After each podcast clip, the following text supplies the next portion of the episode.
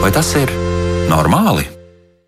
Esiet sveicināti! Studijā Kristiāna Lapiņa pie skaņu pulca īveta zvejniece uzreiz piesaka mūs, lai paliek vairāk laika runāties par tām lietām, par kurām esam šovakar nolēmuši e, runāt. Un, kā jau ierasts, arī gribētu aicināt atkal klausītājus iesaistīties jau kuro reizi es to saku, bet noteikti nebūs par daudz. Ja nu gadījumā jums ir kāda doma, tad sūtiet to uz e, e-pasta adresi, vai tas ir normāli at Latvijas radio.lv, un noteikti arī varat sūtīt kādu ziņu Latvijas radio mājaslapā izmantojot raidījumu ziņojumu logu, ļoti vienkārši tur uzreiz var atrast eh, nu, tā, to, to vietu, kur ir jāiekopē, vai arī vienkārši jāieraksta savs teksts, un tad jau tas mūs arī ļoti, ļoti ātri sasniegs. Nu, ko tur gari, gari vilkt, jā? Nu, tad runāsim uzreiz par, par to, par ko tad eh, arī katram Nu, gandrīz sanāk katram otrajam vai maltā, gandrīz katram trešajam tā sirds vismaz vienu reizi dzīvē sāp. Proti par eh, šķiršanos un par to satikšanos un arī par otru pusi par šķiršanos un pamešanu. Reizēm arī tā notiek. Nu, lūk, un, um, Uzreiz arī pieteikšu raidījumu viešņu. Pie mums ir Aina Poiša, ģimenes psihoterapeite. Sveicināta, Aina! Nu, labvakar! Nu, man prieks tevi satikt atkal. Tiešām man patīk ar tevi satikties. Un tad, kad man jāšķiras, es vienmēr domāju par to, ka man tev atkal būs iespēja satikt pēc kāda laika. O, cik patīkam to dzirdēt! Tas uzreiz ir iedvesmo. Nu, tu jau pati zini, mēs bieži vien sakām, labā mums nekad nav par daudz. Arī tad, kad mēs runājam par skumjām tēmām, vienmēr ir jāatrod kā to enerģiju pacelt. Kaut vai savstarpējie komplimenti, kad mums ir prieks satikties mēs neceram, ka mēs tik drīz šķirsimies. Jā, mums kopā būs gandrīz stunda šovakar, un kas to zina, varbūt mēs arī, nu, tuvojoties citam gada laikam, varbūt atradīsim laiku kaut kur vēl, kaut kur vēl ārpus studijas, lai satiktos. Bet, um, Par to satikšanos, nu, ja ir tā, kā ir, nu, statistiskie dati nesaka neko labu. Nu, sevišķi par rietumu Eiropu tiešām mēs varam teikt, ka tur nav tā pārāk skaisti tas viss, jo ļoti daudz cilvēku cerību pilni satiekas, un pēc tam, nu, pēc kāda laika, ilgāka vai īsāka, nu, viņi arī ir spiesti pieņemt šo domu, vai šo situāciju, ka nu, ir katram jāiet uz savu pusi. Un šovakar arī varbūt mēs vairāk fokusēsimies tieši uz šīm partnerattiecībām, ja, kur ir tie divi cilvēki. Eh, dažos neparastos gadījumos varbūt viņi ir arī nu, ne divi. E, bet e, parastākos gadījumos, savukārt, ja mēs vairs nerunājam par partneriem, tad varētu būt arī tā, ka ir partneri, jeb ir bijušie laulātie, vai tie cilvēki ir dzīvojuši kopā, un ir arī bērni. Un arī viņus skar šķiršanās, un viņi reizēm arī tiek izmantoti pat kā tāda svīra vai kādreiz arguments, e, iegūst vairāk spēka, jo tiek attiecināts arī uz bērnu. Nu, vienmēr sakot, tur ir daudz dažādu lietu. Es atradu arī tādu jauku aprakstu par to, ka šķiršanās aizved jūs uz neatklātu teritoriju. Viss ir izjaukts, jūsu rutīna, pie pienākumi, māju kārtība, attiecības ar paplašināto ģimeni un pat ar draugiem, un arī identitāte var eh, mainīties, jeb ciest. Šķiršanās rada neskaidrību par nākotni, kāda būs dzīve bez partnera, vai atradīsim kādu citu, vai arī paliksim vieni. Šīs nezināmās lietas bieži vien eh, var šķist sliktākas nekā nelaimīgas attiecības. Un tad, nu, es atgriežos pie šī jautājuma. Kā tad ir, ja tik ļoti daudz cilvēki šķiras, un iet katrs uz savu pusi. Kāpēc viņi vispār satiekas?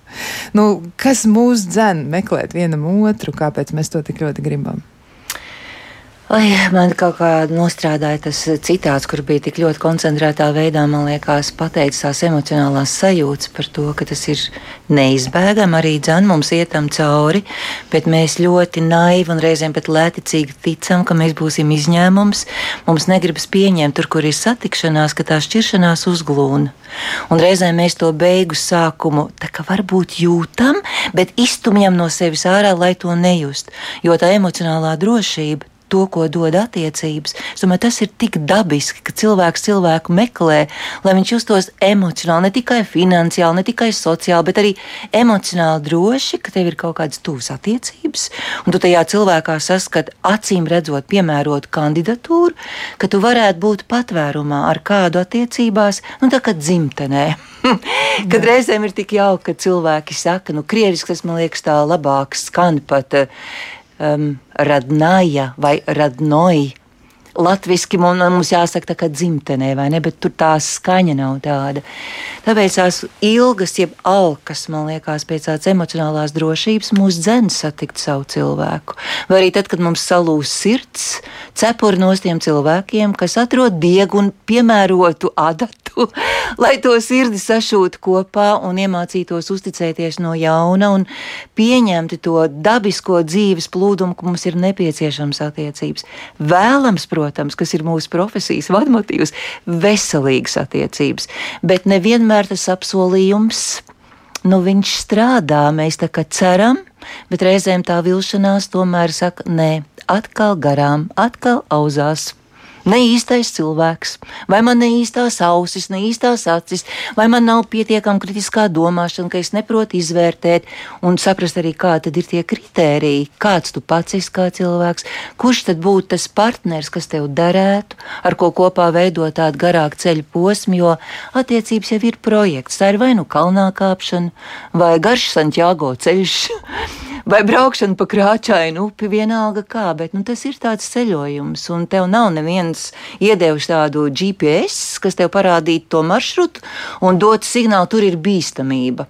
Es domāju, tikai rets gadījums ir strādājot ar pāriem, kad cilvēks sajūt pirmās grūtības, jo viņi ir izglītoti, viņi par to daudz ir interesējušies, viņi ir strādājuši paši ar sevi, un arī tad viņi nav pasargāti no kopējās telpas, kurā ienāk divi cilvēki, un tā ir ikdiena, kur parādās grūtība. Viņi nenonāk līdz šķiršanās procesam. Viņi saka, mums ir grūtība, mums vajag kādu neitrālu cilvēku, kas mums palīdz ieraudzīt, apskatīt to grūtību un atrast kādu mēs varētu atrast tīklu, kā no tās upes to šķērsli izņemt ārā, lai tā laiva atkal plūst uz priekšu. Nu, kaut kā tā. Es eh, gari runāju, bet man liekas, tā doma galvenā man bija saprast to, ka, ja ir satikšanās, tad šķiršanās ir neizbēgama. Un viena lieta, ka mēs nevaram eh, garantēt, ka mēs nomirsim vienā dienā, vai ne?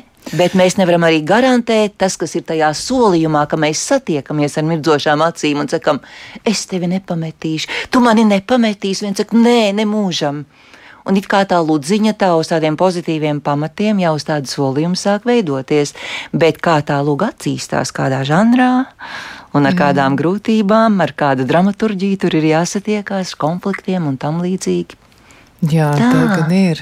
Tā gan ir. Bet cik lielā mērā mums ietekmē tie scenāriji, ko mēs paši esam piedzīvojuši? Jo arī nu, nav noslēpums, ja mēs domājam par, par Latviju, piemēram, vai arī par nu, tādām tuvākām vietām. Tepat blakus, nu, kultūrā kaut kā tā tur ir.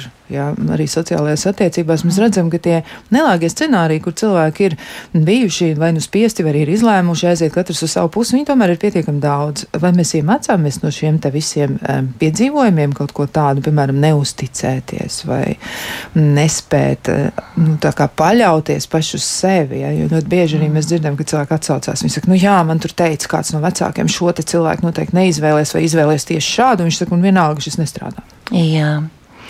Nu, es divas lietas saklausīju, jo es domāju, viens no pamatakmeņiem ir tās izcelsmes ģimenes attiecību modelis, kas savā veidā ir mūsu asinsritē, kad ir kaut kāds vecāku paraugs, viņu attiecību paraugs, kur mēs esam pat nosodījuši jaunībā ar ļoti kritisko prātu un solījuši sev, nē, man noteikti būs pilnīgi viss savādāk un daudz labāk. Un eh, ļoti bieži tas atkārtojās, tas modelis, kad vienkārši ar visu noliegumu prāta ziņā mēs netiekam galā un mēs iekrītam tajā atkārtojumā. Un otra lieta ir, otra tēma, liekas, tā ir tā individuālā piesaistes programma, kur mēs eh, vienkārši sākam analizēt savu dzīves sākumu un vispār mūs sāk interesēt tas, kas veido pamatu uzticēšanos. Tas ir pirmais dzīves gads vai pirmās attiecības ar mammu. Un man liekas, ka lielākā daļa sabiedrība ir traumēta tajā jautājumā, kad nav tādas iekšējās drošības no agras, agras, no pirmās dzīves dienas bieži vien, jo ir visādi tie notikumi dzemdībās un pirms dzemdībām un, un pirmajā dzīvības gadā, kad nav mammas klātbūtnes līdz galam, lai bērnam attīstītos tādi nu, vēlamies spoguļu neironi, ka viņš jūtās droši un ka viņam veidojās smadzenēs tā pamatu uzticēšanās, ka lai arī kādas grūtības nāk, bet mums ir resurss. Iekšējs vienkārši, ka mēs ieraugam to kā grūtību un meklējam izaicinājumu. Bet, ja nav uzticēšanās, es domāju, tā pārspīlētā piesardzība sižetā veidojās no malas skatoties labas, tuvas, draudzīgas, mīlīgas, mīlošas attiecības. Bet eh, laikam ejot uz priekšu, es saku, ka tās grūtības jau tā kā torpēdas, viņas jau staranē. Viņas tā kā ielaužās iekšā tajā uzbūvētajā ideālajā tuvībā. Un tad bieži vien mēs atgriežamies katrs pie sevis, dēļ stresa. Mēs sākam uzvesties neadekvāti, un tad bieži vien atklājās, ka es varu teikt, ka es tev uzticos, bet es palieku rezervēta lai man mazāk sāpētu, es paturu pārāk lielu rezervi un skatos skeptiski uz tevi. Un, ja es jūtu, ka tu neuzvedies tā, kā man būtu vēlams, lai tu man dziedinātu viennozīmīgi, ka tu pieņem man pilnīgi bez nosacījumiem, ka mums sākās kaut kāda diskusija, strīdi. Ja? Tad es domāju, ah, man šķiet, ka tu jau esi gatava mani pamest. Tad labāk es izdarīšu varbūt pirmā kārta gājienu, lai it kā man mazāk sāpētu, jo tā rezerve man sit augšā to programmu, ej tad pati prom. Jo ir iestrādājusies tā izdzīvošanas programma, kur mums vajag sevi sargāt no sāpēm. Mēs neticam, kā var labi beigties lietas. Mēs visu laiku esam gatavi uz to sliktāko.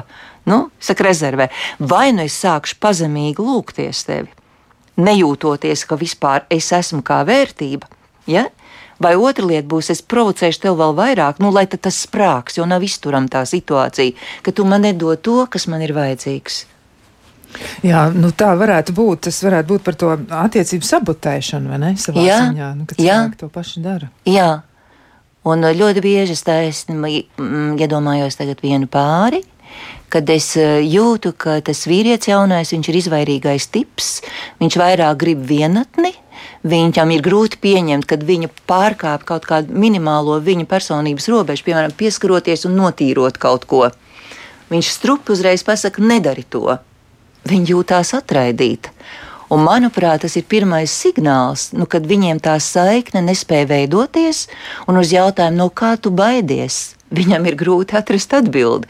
Jo viņam liekas, nu kā, nu man nav bailes, es esmu drosmīgs vīrietis, ar mani viss ir kārtībā. Bet līdz ko redziet uz to saiknes veidošanu, un kad tas otrs cilvēks pietuvojas bīstamai zonai, parādās paniskas bailes, ka viņam kaut ko var atņemt. Labāk viņš turēs pa gabalu. Nu tā mazā distancītē. Ir labi, ka es tevi redzu, bet nelien pārāk tuvu man. Jā, bet tas varētu būt varbūt arī par bailēm no tuvības. Jā, jā, tur jau tā lieta. No vienas puses tā pretruna ir nu, tik sāpīga.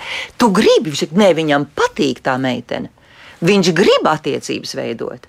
Bet viņš nespēja, jo baidās. Un kā ar šīm divām spēcīgām emocijām tikt galā? Labs jautājums. Labs jautājums. Vai tas varētu arī būt eh, zināmā mērā kā tāds izskaidrojums vismaz dažās situācijās, kur ir nu, pāri kādreiz par to stāsta, ka mm, mēs mēģinājām būt kopā, un tad mēs atkal izšķīrāmies, un tad atkal mēs saprotam, ka mēs viens bez otra nevaram, un atkal mēs esam kopā kādu laiku līdz nākamajam sprādzienam. Nu, tā tad viņiem ir visu laiku tādas nu, ļoti atkarīgas attiecības, Jā. drāmas pilnas. Jā, nu, tā ir tā, tā cirkulārā dzīvošana, kad mēs pa cikliem dzīvojam. Mēs esam tā kā kopā. Paliek pārāk daudz, un tas smacē, un tas izraisa tās seriālās bēdas, kad es varu pazaudēties otrā cilvēkā, un tiek ņemts atpakaļ gājiens. Ja? Kad visu laiku tā kustība ir tāda, ka cilvēks saka, tas izdedzina tā kā sāla tavu rododendru nokaut, tas izdedzina to pozitīvo sajūtu, kad vienā brīdī tu esi tajā augstai, tajā tik tādā mazliet tādā eiforiskā fāzē, un tu notici, ja, bet programma jau ir sākusi strādāt, ka tas ir īslaicīgi. Un tu izbaudi ātri tā kā svaigu malku, un tu zini, oh, bet drīz sekos nogruvums. Un šī tāda svārstība ir tā mokošākā, kas man liekas agrāk vai vēlāk. Nu, izsmeļ pacietību, izsmeļ to naivo cerību, ka tas ir īstais cilvēks. Jo neviens jau no malas arī nav tiesīgs teikt, kādreiz jau gribas pateikt sevišķi vecākiem, kas ir norūpējušies, vai ne? Reizēm arī spečukiem iekšējais monologs saka, nu, vajadzētu pateikt, ka mm, šeit nebūtu jātērē laiks, bet nu, tas ir diezgan tā, mm, vai ne? Būtu vēlams, lai cilvēks pats to ieraudzītu un palīdzētu viņam to ieraudzīt, kas ir arī tāds zināms briedums, ka tev ir jāpieņem realitāte, kad vienā brīdī tās brilles sāk traucēt, ja tu sāc ciest no tā. Ir kaut kādi simptomi, kas saka, tu cieti, tu mokies, tu ceri, bet tās cerības nepiebildās. Vienreiz, otrais ir un 55 un, un 105 reizi. Nu, tad cik ilgi dzīve ir tikai viena gal galā? Jā, nu, ir bieži vien arī tā. Man šķiet, ka tas, kurš ir stiprāks, tas izlēmj un tas aiziet. Jā. tas limits izsmeļās, tad es domāju, ir kaut kāds izdzīvošanas instinkts, kad mēs jūtam, ka mēs emocionāli mirstam. Tad varbūt tas palīdz atspērties un sajust sevī spēku, ko tu neesi līdz šim pazinis, kas tā kā tevī vēl dzīvo, ka tu vari piecelties un pieņemt lēmumu.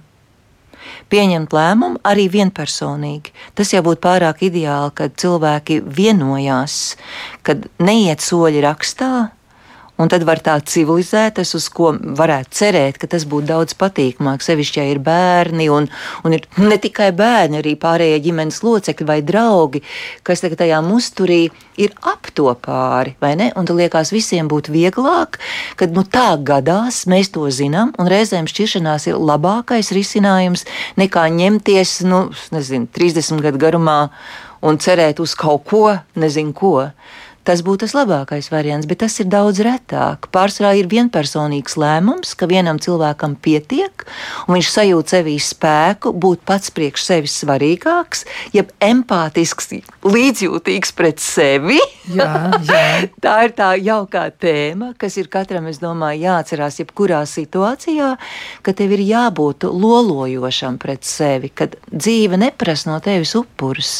Ja tā ir iemācītā programma, jeb sievietēm sevišķi iemācītā bezpalīdzības programma, kad meitene ir redzējusi, kā mamma var samierināties un paciest, un tā ir tāda sievišķības kvalitāte, vai ne, par ko teikt, nu, tas ir ar tikumiņu, ar tikumiņu šī sievišķība. Man liekas, 21. gadsimts, Kristijā, nu, mēs varam mazliet tos tikumus arī pārskatīt, lai iet uz kaut kādu cilvēcisko cieņu un, un abu dzimumu līdzvērtību, ne tā? Jā, protams, tā vajadzētu būt. Nu, rekā klausītāji komentāri arī ir tādi ļoti uzmundrinoši. Vispirms jau liels prieks studijā atkal dzirdēt Ainu Poišu, izsvērt pārliecinoši un uzrunājuši. Liels paldies, ļoti aktuāls temats. Nu, tā kā tev ir komplimenti no klausītājiem.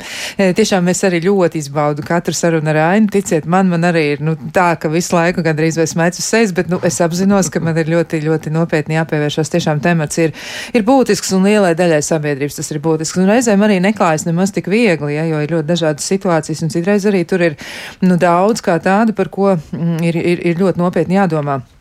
Bet jautājums ir tāds, e, kad šķiršanos ar partneri var saglabāt un kad nē, kam jāpievērš uzmanība, vai vispār ir šī tā, nu, tā, tāda iespēja tā monitorēt, ja kā saka, šo te pasākumu. Tā tad, vai, vai vispār to mēs varētu pateikt? Man liekas, ka tur īsti nebūs tāda iespēja, bet nu, tomēr varbūt, ka var mēģināt to apspriest. Nu, pagrozīt mēs noteikti varam to jautājumu, jo es domāju, tas arī ir tas atvērtības, attieksmes jautājums, ka cilvēki paši izdara izvēli, uz ko viņi skatās savā perspektīvā, vai uz brīvību, kas asociējās, ka es brīvs var būt tad, kad es pati piepildu savus kaut kādus mērķus, vai ka es piepildu savu dzīvi. Jo, piemēram, es esmu pietiekami pašpietiekami, es nerunāju par sevi, bet kā pirmajā personā. Tad es domāju, tas ir viens no pāra pasaka to, kā viņš to saredz kā perspektīvu, un otrs. Un tā atvērtība ir tā, vai jūs jūtat, ka tajās individuālajās perspektīvās var parādīties kaut kas kopīgs, no tāds, kas jūs saista. Un kas ir tas arhitektūras instruments, ka jūs varētu būvēt arī tad, kad liekas, jau ir drupas? Uh, Ukrainai arī ir drupas, un mēs visi ceram, ka notiks uh, vai ne, augšām celšanās kaut kad. Un zināmā mērā tas arī uz pāri attiecās, kad uh, var kaut kas sagrūt, ka liekas tā ir neiespējamā misija, bet vienmēr mēs zinām, ka drupas var novākt, ja pietiek enerģija un griba to darīt, bet priekšradīšanas vajag divus. Priekšsagraušanas pietiek ar vienu. Un šī ir tā reālā ziņa, ko neviens ar brīnumu nūjiņu redz nevar uzburt, lai kā gribētos, bet ka cilvēki paši pie tā tikai spēj nonākt. Jo vienam cilvēkam saka, es gribu, es lieku 80% uz to, ka es gribu saglabāt attiecības, bet ja otrs liek 20%, nu tad tā ir tīra matemātika. Nu, ko ar tiem 20? Nu, ko, vai ne? Nu, ir jābūt kaut kādai tādai, nu, kaut cik komandas sajūtai. Mēs abi atzīstam savus kļūdas, mēs esam sapratuši savus pārdarījumus, mēs varam viņus kaut kādā veidā dabūt ārā bez vainīgā meklēšanas, bet atklāt to savu subjektīvo iekšējo sasāpināto realitāti, un tad nonākt pie kaut kā objektīva, teikt, tā ir vakardiena. Un vienmēr ir tas jautājums, vai cilvēkiem pietiek spēka vakardienu aizšķirt projām. Jo bieži vien tā kā jā, bet dzīvē tas tā nenotiek. Un kā mēģina dot otro iespēju. Sākumā ir atkal tas eifors un prieks par nu, to radošo garu, kas pamostās, un tā enerģija, bet ļoti ātri tā ikdienas rutīna atkal atvēl kā atpakaļ, un sevišķi, sākās atmiņu vakari vai atmiņu brokas. Jā, bet tu atceries, kas bija tur pirms pieciem gadiem, kā tu man nodarīji pāri, jeb kā tu pateici šito un šito. Sveiki! Visas zivis ar vēdriem gaisā tajā dīķī un pieņemt to lēmumu, tas ir tiešām grūti. Es varu iedomāties, tas ir grūti, jo smadzenes jau mums arhīvā glabā tos pāri darījumus. Nav jau tik viegli nospiest pogu, un tā vairs tur nav. Bet, ja tik ļoti gribās, un tik ļoti tu redzi to perspektīvu, tad nekas, manuprāt, nevar būt pa grūtu kā radīt radīt, nevis tikai graut. Jo katra zāģēšana, katra tāda pieminēšana vietā un nevietā tas tā kā saindē tās attiecības priekš un atņem ļoti daudz no tās enerģijas, kas ir vajadzīga tik ļoti, lai mēs iet uz priekšu. Jā, tā gan ir. Uh, nu, klausītājiem arī ir savi viedokļi par attiecībām, un viņi arī nu, mēģina mūs izaicināt droši vien ar tādu, nu, redz, kur tāda nedaudz merkantila varbūtība skan cauri šim komentāram, jā, jo klausītāji raksta, nu, vai piekrītat, ka attiecības ir sava veida tirgus? Nu, iespējams, ka tas ir tirgus, bet ne, nevienmēr tādā ļaunā nozīmē, jā, noteikti nē, tur varētu arī, nu, citādi uz to paraudzīties. Jā. Ko tu par to saki? Jā, es esmu arī palikusi diezgan merkantīla tādā praktiskā nozīmē, ka romantika vien ir par maz. Ka kādreiz ir jānoslēdz kontrakts vienkārši nevis par mantu, bet kā mēs sadzīvosim. Nu, mums ir jābūt kaut kādiem noteikumiem, jo ne visas attiecības ir tā kā no dieva. Ir ļoti daudz attiecības, kur ir jāpiestrādā. Es zinu, ka cilvēkiem nepatīk. Viena daļa jau saka, nu vai nu ir, vai nu nav.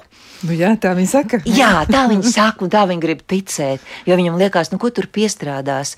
Reizēm tā arī ja tas ir ļoti smagi, ka tu visu laiku dzīvo tā kā ar lāpstu rokās. Nu, tas arī var nogurdināt ļoti. Bet reizēm tā piestrādāšana, vienkārši tāda izglītošanās vai tāda nu, iejūtības attīstīšana, tāda nevardarbīgas komunikācijas attīstīšana. Reizēm nevajag nemaz tik daudz, un tā nav lāpsta. Tā ir vienkārši tāda nu, izglītošanās, tādā praktiskās psiholoģijas ziņā, kā mēs attiecamies viens pret otru. Un, ja ir skaidri noteikumi, pa maziem solīšiem cilvēki apņemās tos iestrādāt un izjūt gandarījumu par to, tad es domāju, tas ir normāls kontrakts. Jā, Jā, tas ir tirgus. Tas ir tirgus. Es tev piedāvāju, tu man piedāvā un skatāmies, vai mēs spējam ielikt tajā groziņā, ja, kas mums rada to sajūtu. Mēs ieguldamies, nevis mēs tikai bankrotējam. To jau visi māk bankrotēt. Tas notiek pats no sevis. Bankrot neviens neaicina ciemos, viņš pats atnāk. Viņš pats atnāk, jā. Un, un droši vien arī par šo kontraktu runājot, nu, ja reiz mēs arī domājam par to, ka tas ir tirgus un šoreiz varbūt tādā labā nozīmē es ieguldu un kāds otrs iegulda. Nu, droši vien būtu jābūt tai līdzsvaru sajūtai, ja, ka es eh, esmu tikpat daudz, cik tas otrs, ka nav tā, ka tikai es nopūlos. Jo man Jā. liekas, ka ļoti bieži arī pāri par to runā. Viņi saka, nu es to vien daru, ja kā mēģinu kaut ko darīt un mainīties, un lūk, tas otrs nedara neko. Jā, nu, tā ir tā sabotāža. Tā ir tā, es vienkārši šeit esmu, un tad es saku, nu, pagaidiet, tu laikam esi solists, ja? tu ļoti izaicini savus klientus, droši vien. Jā, tas reizēm ir vienīgais, kas ienāk prātā, jo tu samulsti, jo tu jau vari iedomāties, un tās attiecības ir tik sarežģīta, piņķerīga lieta, kad eh, nu, tev reizēm acis ir kā pogas, un reizēm liekas, ka kaut tikai mati nesaceltos gaisā. Kad jāatrod kaut kāds veids, kā tu vienkārši apturi kaut kādu absurdu, kad notiek vienkārši savstarpēja apvainošana, un viņiem trešais cilvēks nekādā veidā nedisciplinē jo viņi tā ir iegājuši tajā karstumā, ka kādreiz tu pasaki kaut ko savā ziņā neadekvāti, bet tas vismaz samulsi un iestājās pauze. un tad, kad iestājās pauze, piemēram, kaut kādu humoru, reizēm drusciņu melnu, nu, var kaut kā pagriezt to kuģi citā virzienā, jo man liekas tā doma. Es pēc acīm redzu, ka tu saproti, ja cilvēks paziņo, es tāds esmu un viss, viņš nav gatavs sadarboties, viņš tiešām ir solists. Un tad, kad es ar dziedāšanu nodarbojos, tad skaidrs, ka pirmais man teica, ka tu dziedi duetā, klausies vispirms otrā cilvēkā. Nevis kā māk tā dzied. Kā mākt tā dzied.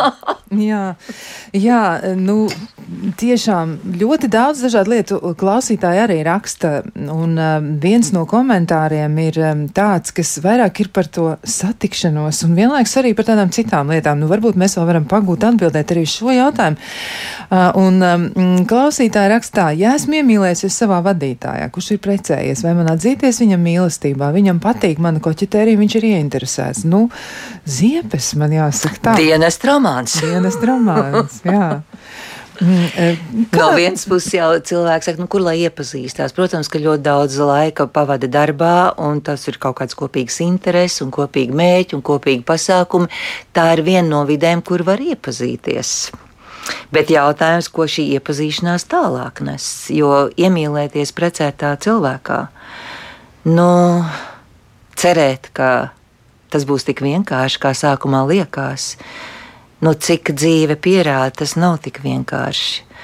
Uh, es parasti mēģinu teikt, kur ir bremžu sistēma, kur ir bremžu sistēma. Pakoķetēt, paflirtēt, tas varbūt liekas ļoti nevainīgi, bet ja tur aiziet pieķeršanās sajūta un kaut kādas cerības uz nopietnām, dziļām attiecībām, tas ļoti reti beidzās tā, kad vīrietis aiziet tiešām no ģimenes. Viņš tiešām tagad ir sajūts, ka viss viņa iepriekšējā dzīve tas nav nekas. To vienkārši var atstāt vēsturē. Un tagad viņam sāksies otrā elpa. Ir tādi gadījumi, bet vienmēr, kā man omīte teica, uz citu nelaimes savu laimi neuzcels. Vēl kās līdz kaut kādas sekas, tas vīrietis nekad nebūs brīvs tā kā viņam sākumā liekas, sevišķi, ja tur ir bērni, tās ir milzīgas saistības un milzīga vainas sajūtam vīrietim, kas agrāk vai vēlāk. Un nožēla, par ko nedrīkst runāt, jo solis ir spērts un lepnums parādās. Tagad, nu, ko tad nu? Ko tad nu? Un ir ļoti liels drāmas visiem trīs iesaistītajiem cilvēkiem tajā situācijā. Sievietē, kas ir cerējusi, ka viņa tagad ir satikusi savu liktenīgo vīrieti darba vietā, priekšnieks, tas ir, oh, tas noteikti vēl kaut kādu auru piešķirtam. Vīrietis, kuram ir potenciāls, uz ko var skatīties ar lepnumu, ar gandarījumu. Cerams, ka viņš ir arī veiksmīgs un harizmātisks un tam līdzīgi. Tajā brīdī jau mēs neredzam visu to pārējo, kas sekojas visi tā es neticu, ka tas varētu beigties ļoti labi. Un, um, līdz ar to es domāju, sieviete, kas iemīlās precētā vīrietī, viņa vienmēr būs otrais numurs. Ja mēs attaisām to kastīti vaļā, samta kastīti, kur ir daži pozitīvi izņēmumi, bet arī tajos izņēmumos vīrietis ir ar pievienoto apgrūtinājumu. Jā, nu, man šķiet arī pašos pamatos tas jautājums, varbūt mēs varam arī mēģināt nu, tā ļoti īsi um, uztaisīt tādu kopsavilkumu, jo klausītāji jautā, vai viņa ja viņa ir iemīlējusies savā vadītājā, kurš ir precējies, vai viņam atzīties mīlestībā, vai tas varētu palīdzēt viņai pašai, ja viņa atzīst savas jūtas un iespējams viņa pauž šīs jūtas otram cilvēkam, varbūt tas arī varētu normalizēt to visu, jo iespējams, nu, nenormalizēt tādā ziņā, ka tas kļūtu normāli, tas, kas notiek Jā. bez, bez pārdomāšanas un bez tālāk scenārija izpētes, bet varbūt šis cilvēks spētu dot no savas puses, ja, nu, tā kā varbūt viņš varētu novērtēt šīs jūtas, bet tajā pašā laikā viņš iedod to realitātes izjūtu tomēr.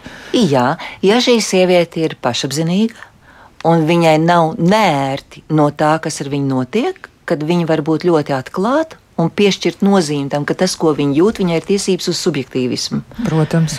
Un ka viņai nav kaut kādas gaidas par vēlamo atbildi, ka viņa ir gatava gan uz jā, gan uz nē.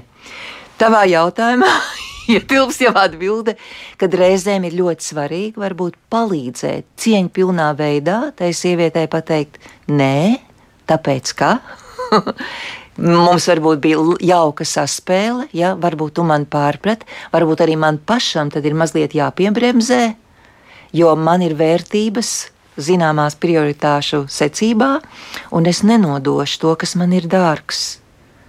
Piedod, atvaino, kā es varu tev palīdzēt, kā es varu būt tev kā draugs noderīgs, ja tu pieņem man draudzīgo attieksmi, lai tas neaiziet tādā pārpratumā. Nu, es tagad iejūtos laikam vīriešu lomā. Nu, gan drīz vai tā izklausījās, jā, bet tajā pašā laikā nu, mēs negribam, ka kāda sirds salūst, un, un mēs tomēr gribētu, lai iespējami laimīgāk šis viss atrisinās, un iespējams arī šī atzīšanās jūtās varētu palīdzēt, jo tā dod iespēju abiem cilvēkiem nu, mēģināt noskaidrot to situāciju. Jo nu, tiešām iemīlēšanās ir nu, neprognozējama lieta, tas ir ārkārtīgi grūti, mēs to nevaram tā lāga pat paredzēt, ja nu, tā vienkārši mēdz notikt. Jā, bet e, mums vēl ir tiešām daudz ko runāt, un arī komentāri. Nu, jau sāk būt kā no pārpilnības raga, bet mēs to visu turpināsim darīt pēc īsa brīža.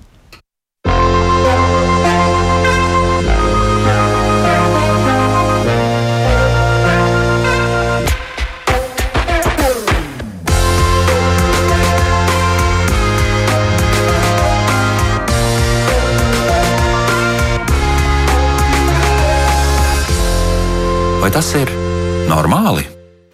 Mēs turpinām sarunu, un e, šodien mēs mēģinām iztirzāt, kā tad ir ar šķiršanos. Tas noteikti nav viegls brīdis neviena cilvēka dzīvē, un e, mēģinām arī saprast, nu, kāda iemesla dēļ tas tā notiek, kā, kā tas izpaužas, un varbūt arī mēs pat varam sazīmēt kādu pazīmi pirms vēl tas ir noticis, ko tad mēs gal galā varam darīt. Un e, šajā brīdī arī gribu atgādināt, neaizmirstiet, ka jūs varat noklausīties arī šī te raidījuma atkārtojumu, to jūs varat izdarīt agrā darba dienas rītā pašā nedēļas sākumā, tā ir pirmdiena, bet bet uh, varat arī paskatīties arhīvā un sameklēt iepriekšējos raidījumus. Nu, noteikti kāds temats varētu iekrist jums acīs, un pēc tam arī prātā, ja jūs noklausīsieties, varbūt būs vēl kāda ideja. Un um, vēl šis ir tas brīdis, kad mēs atkal uzdodam raidījumu viesim jautājumu, un mēs, nu, jau varat teikt, esam diezgan daudz jautājumus savākuši no klausītāju iesūtītajiem, un nu, šis ir tas brīdis, kad mums ir jāuzdod jautājums studijas viesim. Thank you. Nu, lūk, un eh, nu, tad izvēlies viens, divi vai trīs. Trīs. Trīs. Nu, reikā, eh, trešo numuru es rezervēju tieši tam jautājumam, kurš varbūt šodien arī parādītos. Un tā arī ir laimīgi noticis. Tātad eh, pavisam, pavisam svaigs jautājums.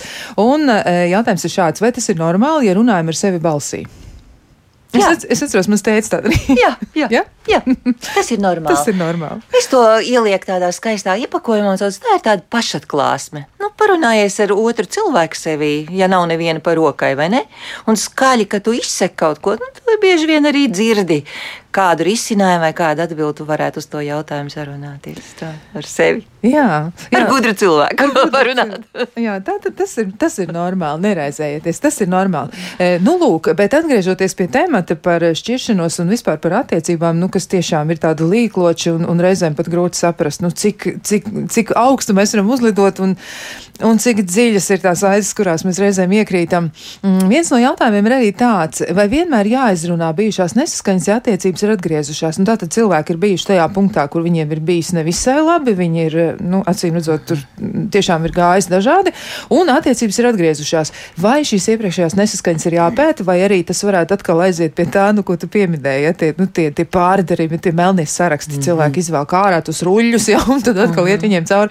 Nu, cik, cik tas ir iederīgi un vai tas, tas būtu jādara? Un ja jā, tad kā, ja nē, tad, tad kāpēc nē?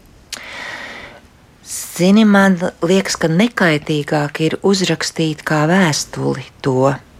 Jo nu, rakstīts eh, papīrs tur ir vieglāk pārdomāt, nu, tā nepateikt neko lieku, sagrupēt, noformulēt jo gribas jau uzticēt tam otram cilvēkam, nu, to, kas tev iekšā te ir aptinies un spiež kā tāds akmenis.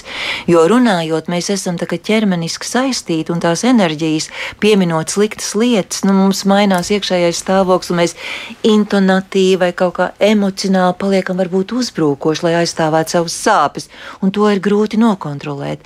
Tāpēc uzrakstot uz papīra, piemēram, sakot, es gribu, lai tu zini, kad man tajā iepriekšējā periodā ļoti sadusmoja tas un tas, nu, vismaz trīs lietas, ne vairāk. Man aizskāra tas, tas un tas, man pazemoja tas un tas un tas. Nevis visu, bet tādas svarīgākās lietas ka tā, man liekas, ir uzticības veidošana no jauna, ka mums nav jābūt tikai svētkos kopā, bet mēs varam bez pārmetumiem darīt zināmu to, kas iekšā ir tie akmeņi, lai viņi nepārvēršās zultkmeņos vai kaut kādos citos akmeņos, nu, lai viņi tā kā uz papīra aiziet. Jā. Un tas man liekas, nu, Kristija, nu tā taču ir. Ja es varu uzticēt tev savas sāpes, tad tas veido tuvību pat vairāk un ciešāk nekā es dalos ar tevi kādos priecīgos notikumos. Tas arī ir forši, bet sāpes ir daudz intīmāk. Es esmu daudz atkailinātāk, ka es uzrakstu un daru tev zināmu, un tu uzraksti man. Un tad mēs vienkārši to par tam nav jābūt ar atbildi. Es pieņemu zināšanai, ka es tevi iepazīstu labāk, un caur šo sarakstu es redzu, ka tu vairs nemeklē vainīgo. Tu man dari zināmu, ko tad, kad tu kliedzi, es nespēju uztvert. Ja? Bet tad, kad tu uzraksti un tu esi piedomājis, kā to uzrakstīt, tad es vienkārši varu atskatīties, un tad mēs varbūt satiekamies un nu, sakām, nu, ko darām, uztaisām kādu rituālu. Varbūt tad sadedzinām, Jā, runājot par rituāliem, starp citu, arī viens no komentāriem, ko klausītāji raksta, un te nu mums ir, jā, bet kā tad ar vīriešu aizvilšanu, ar melnās maģijas pielietošanu šķiršanās garantēta, bet vai laime būs? Nu, es nezinu, man tā īsti, nu, kā saka, prāts neļauj ticēt šim visam, jā, bet, nu, cilvēki jau mēdz darīt dažādas lietas, un tad, kad viņi ir uh, iemīlējušies, jā, viņi kļūst ļoti, ļoti, ļoti nekritiski, un viņi daudz ko mēdz darīt, kaut ko tādu, kas liekas absolūti iracionāls un, un, un viņi tam ir gatavi noticēt.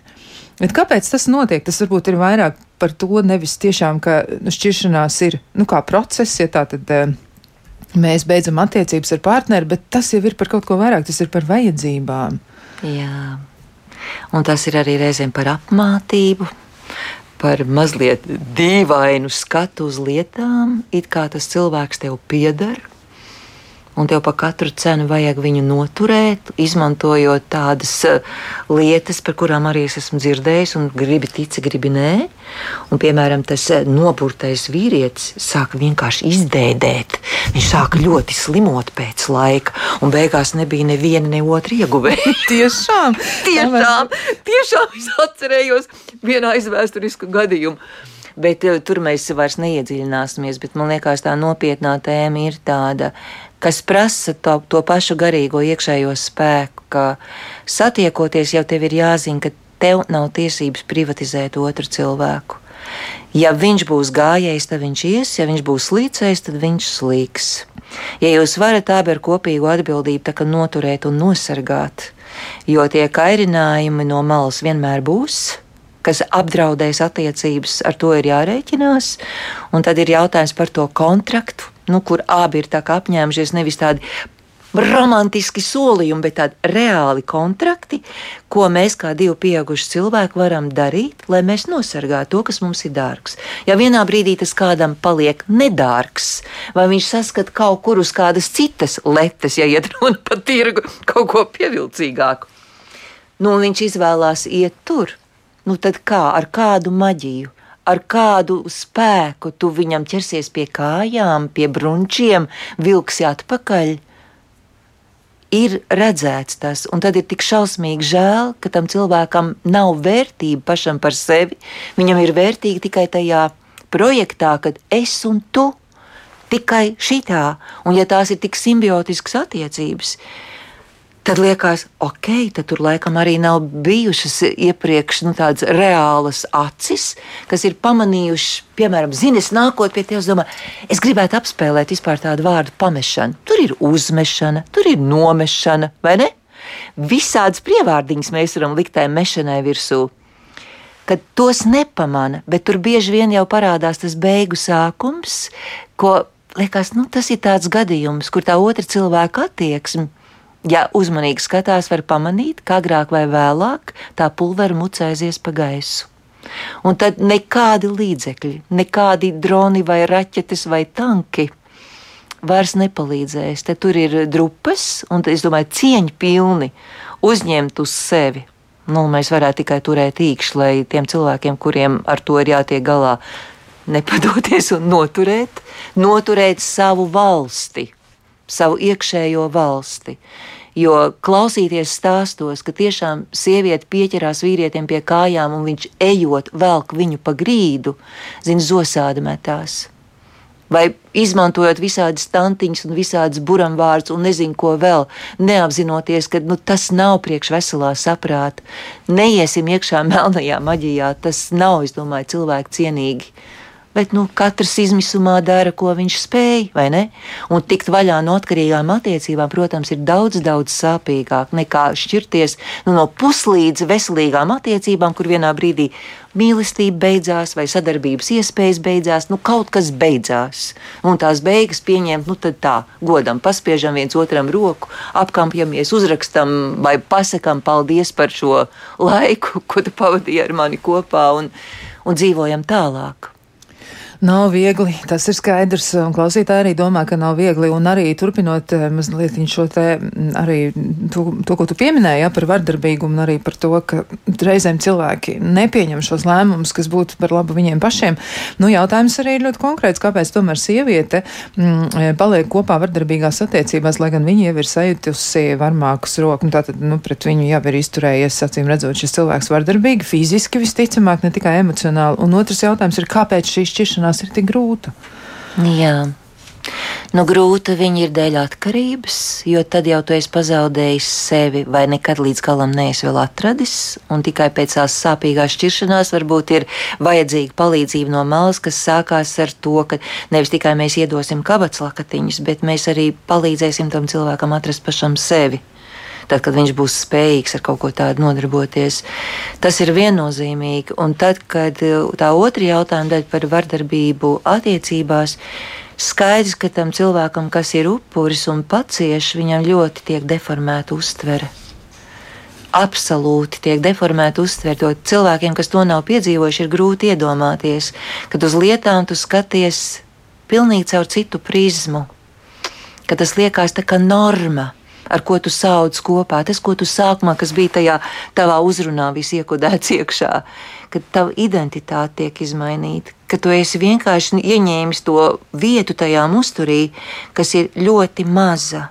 Un tu vari izdzīvot ar to mazo vietu un justies vēl pateicīgs, ka tev vispār ir tik maza vieta, cik zems pašvērtējums mēdz būt. Viņš sākumā tā nav bijis, bet ja tev pilina un, piemēram, vardarbība, Man ir viens gadījums, 12 gadu vardarbība, kur sieviete ir spārdīta arī grūtniecības laikā, oh, 12 gadu garumā. Ārēji ļoti inteliģenta ģimene ar labām izglītībām. Eh, pēdējais trieciens viņai bijis pa galvu eh, ar amnēziju, bet pēc nedēļas viņa atgriezās atpakaļ. Un tad ir tas jautājums, prātam neatverams. Liekas, vai šis nevarēja būt pēdējais punkts? Izrādās viņai vēl ir rezerve. Un to nevar izmērīt ārēji, saprot, viņai vēl ir rezerve. Un tad tas jautājums, vai tu apzinājies risku? Nu, uz ko tu ej, kamēr tev ir rezerve? Jo tas var beigties gan, gan. Varbūt palaimēsies, varbūt nē. Un tas, kas arī notiek, tad, kad tas ir fatāls iznākums, tad visi pēkšņi pamostās. Bet kamēr vēl ir dzīva, un zilumi jau ātri pāriet, vai, vai tas, ka viņi varbūt nestāst visas detaļas, kam viņi iet cauri, un viņi funkcionē ārpus attiecībām, kā adekvāts cilvēks. Viņi iet uz darbu un funkcionē, vai ne? Bet tā sievišķība vai cilvēcība, ka tu primāri nu, kaut cik esi, nu, kaut cik esi spējīgs kontaktēties ar savām kaut kādām vēlmēm, dzīvot, ne tikai fiziski funkcionēt, bet tā, dzīvot, just un saredzēt netaisnību kaut vai ļoti bērnišķīgā veidā, nu, kā sākt dumpoties pret to. Bet, ja tās bailes ir tik lielas, ko arī grūti iedomāties, ka tu nespēji pat minimāli savu robežu aizstāvēt, ka tu kā sunīts gaidi, ka tev nu, kaut kāda kauliņa jau tev atmet, uzmet, atmet vai ne? Pamet, bet atkal kaut kad jau atgriežas. Un tad, kad atgriežas, tad oh, iestājās tāds īslaicīgs, iluzors miers. Es neesmu viena.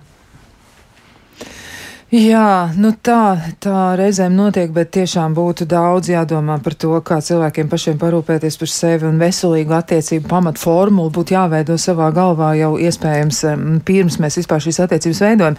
Es arī atradu tāds ļoti jauks jautājums, nu jauki varbūt nav īstais bet ļoti palīdzoši, manuprāt, viena no tādiem arī nu, konsultantu, konsultantu grupa ir publicējusi um, tādus ieteikumus, un, un, un droši vien Ainē arī būs komentāri par katru no šiem jautājumiem. Tie ir pavisam četri, ja tādi, ko būtu katram cilvēkam pašam jāuzdod sev.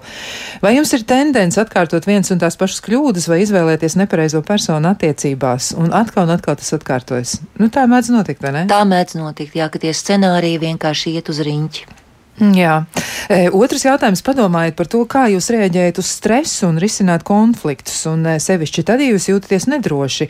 Un tāds papildu jautājums, vai jūs varētu rīkoties konstruktīvāk, vai tas varētu palīdzēt? Jā, līdz ko cilvēki apgūst normālu metodi, kā risināt konflikts, un to ievieš arī privātajās attiecībās nekā tikai ar kolēģiem.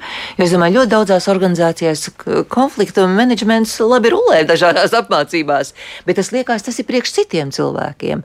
Kad ar to savu tuvāko jau nē, bet tieši ar savu tuvāko, man liekas, ir numur viens jāiemācās risināt konstruktīvu konfliktus kas noved pie kaut kādas attīstības, nevis kārtējais konflikts, kas beidzās ar neko, jeb ar ļoti sliktiem rezultātiem, ka kāds grib savu varu, ja pēdējo vārdu paturēt pie sevis, lai to uzturu noturētajā destruktīvajā līmenī.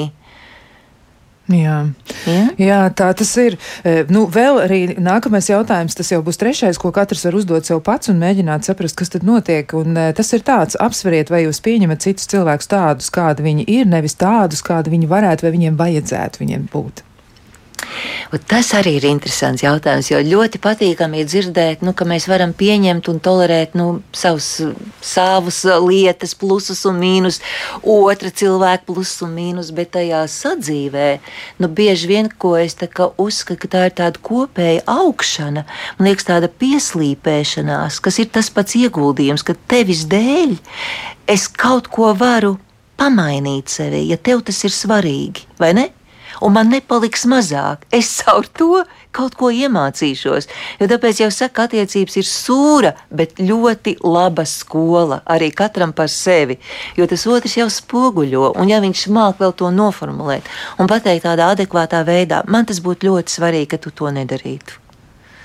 Jā, jā, nu lūk, un e, vēl tad ceturtais jautājums e, ir, nu tāds savā ziņā arī kā ieteikums. Pārbaudiet savas noscīt negatīvās jūtas kā sākuma punktu pārmaiņā, bet mēģiniet uz tām atspērties. Vai jūs kontrolējat šīs jūtas, vai jūs tās pārvaldat, vai arī jūtas kontrolē jūs pašu? Jā, nu. Ļoti smags pasākums, bet uh, pirms konfliktiem šis ir jāliek kā A un konflikta risināšana B. Jo kontrolēt jūtas nozīmē iestādināt sevī programmu, ka tu esi pieaudzis cilvēks un konfliktos vajag prātu, kas mūsu emocijas ieliek ietvarā. Ar kādām metodēm cilvēks savas emocijas iemācās savākt? Galvenais, ka viņi grib to kaut kā darīt. Nevis teikt, ka tāds es esmu un aiziet. Visi var norauties. Nu, esam tikai cilvēki. Bet pa lielam, man liekas, ir jābūt tādai līnijai, ka tu vienkārši saproti, smagās situācijās, kur ir ļoti daudz emocijas, ar emocijām mēs neko nevaram atrisināt. Mēs varam padarīt tikai lietas karstākas, verdošākas, tādas, kas rada trešās pakāpes apdegumus, pēc kuriem ir ļoti grūti atkopties.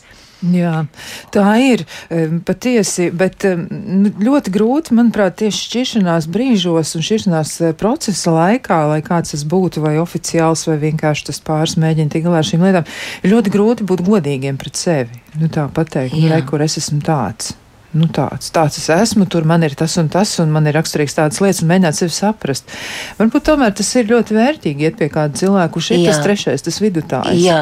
Jā, es esmu vairākas reizes piedzīvojis to, kad manā kabinetā viens cilvēks pasakā, es no tevis gribu iet prom. Tam otram tas ir šoks. Un, uh, tas arī trešajam nav viegli, jo nu, tajā brīdī iestājās, tā kā liekas, laiks apstājās, un kas tālāk būs.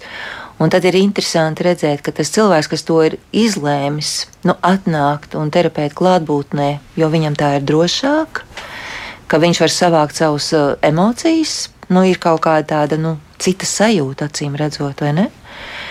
Uh, bet uh, tam, kas cieš vai piedzīvo šoku tajā brīdī, es ticu, ka varbūt sākumā vispār ir tas šoks, ka vispār nevar aptvert, kas notiek, jo tajā brīdī vienkārši ir zemestrīce. Tas ir smagi, nu redzēt arī tādas tīri ķermeniskās reakcijas, kā tas ir. Un izturēt to, ka divi cilvēki, tas viens, kas ir ziņas nesējs, un trešais, kas ir līdzsvarotājs, izturēt vienkārši to paudzi, ļaut tam cilvēkam būt, ļaut viņam ieelpot, izelpot, iedot padzerties ūdeni un teikt visu cieņu. Tas ir grūts brīdis, dzīvē tā notiek, Mums nekas vairāk nav jādara, mums vienkārši tas brīdis ir jānotur, ir jānomierinās. Un tikai lēnām, lēnām, tad, kad tas šoks būs pārgājis, mēs varētu turpināt to sarunu. Jo man liekas, tā pauze, tā klātbūtne, kur maz vārdu, bet vienkārši tāda sirds klātbūtne, kur nav nekāds noslēpums. Tādā situācijā visi trīs var raudāt, bet saglabāt tādu mieru. Ja? Ka tam cilvēkam, kas krīt, viņam ir seja, ka divi cilvēki spēja noturēt, un tas nav nežēlīgi. Tas ir empātiskā tā, kas cieš noturēšanu tajā brīdī. Tāpēc sanāk tā, ka es mazliet reklamēju un atcaucos uz tavu to ierosinājumu, ka tik smagos brīžos Tas tiešām reizēm ir vieglāk, jo mājās tas var aiziet, jo mēs atlaižam bremzes vaļā un, nu, var notikt daudzas lietas un sākties visādi šantāžas, vai kā cilvēki tādā afekta stāvoklī, nu, viņi vairs neatbild par savu rīcību. Un sākt justies vainīgam tam, kas ir pieņēmis lēmumu, tā arī nav laba zīme, vai ne? Mēs tā kā respektējam gan vienu, gan otru. Tas cietējs nav pārāk jāžēlo, man liekas, lai nerosinātu viņā vēl lielāku tādu nu, sajūtu, ka viņš vispār nav. Bet pabūt ar viņu kopā, to var. Un tam otram arī nebūtu jājūtās slikti, tāpēc ka viņš ir godīgs. Viņš negrib melot vairāk. Viņš Jā. vai viņa? Kāda starpība? Jā, grūti, patiesi grūti. Nu, vēl ir arī tā, ka ļoti daudz dažādi padomi, protams, ir atrodami nu, tajā mirklī, kad cilvēks šķiras, ir dažādas lietas. Droši vien, ka katram cilvēkam ir jāmēģina saprast, kas viņam labāk darbojas, jo ir, piemēram, mm, ieteikums pavadīt laiku ar cilvēkiem, kur jūs atbalsta, novērtē un dod enerģiju. Jā, tas ir ļoti labs. Paņemiet, nu, pauzīti, saņemiet palīdzību no malas, ja tas ir nepieciešams. Veidojiet jaunas draudzības. Man liekas, ka šis varētu būt tāds diezgan tāds viltīgs jā, jā. ieteikums. Tās draudzības ir labas lietas, bet. Um, Laba lieta ir jaunas draudzības, bet tajā pašā laikā varētu būt arī tā, ka tā tāda savā ziņā bēgšana. Jā. Cilvēks skrien prom. Jā, nu tiešām šķiet, ka ļoti daudz dažādas lietas mums vēl būtu apspriežamas, bet izskatās, ka laiks mums nu, vairs nav atlicis pilnīgi nemaz, un droši vien šis temats būs jāturpina. Un vēl atsaucoties arī uz klausītājs komentāru, kur saka par to pašu iemīlēšanos, ka ja nu tā ir bijis vairākas reizes, man tā vien liekas, Aina, ka mums būs jāstiekas un jāparunājas arī par mīlestību, par, par iemīlēšanos. Vienmēr vienmēr un visur. Jā, nu ko, klausītājiem novēlam izturību. Tad, ja ir šis grūtais brīdis pienācis, nu kā Aina teica, šķiršanās reizēm ir neizbēgama. To nav viegli izturēt ar cieņu un ļoti daudz dažādas nianses, bet uh, mēs noteikti varētu droši vien ieteikt, nepalieciet vieni, mēģiniet atrast kādu atbalstu un noteikti jums būs vieglāk tikt cauri arī šim tik ļoti grūtajam brīdim, bet ticiet, sapņi, lai paliek un cerības, lai paliek, gan jau būs labi. Kaut būs kad? gan. Būs. Labi. Nu, tiešām šobrīd atvedāmies no klausītājiem. Tiksimies atkal kādu citu reizi.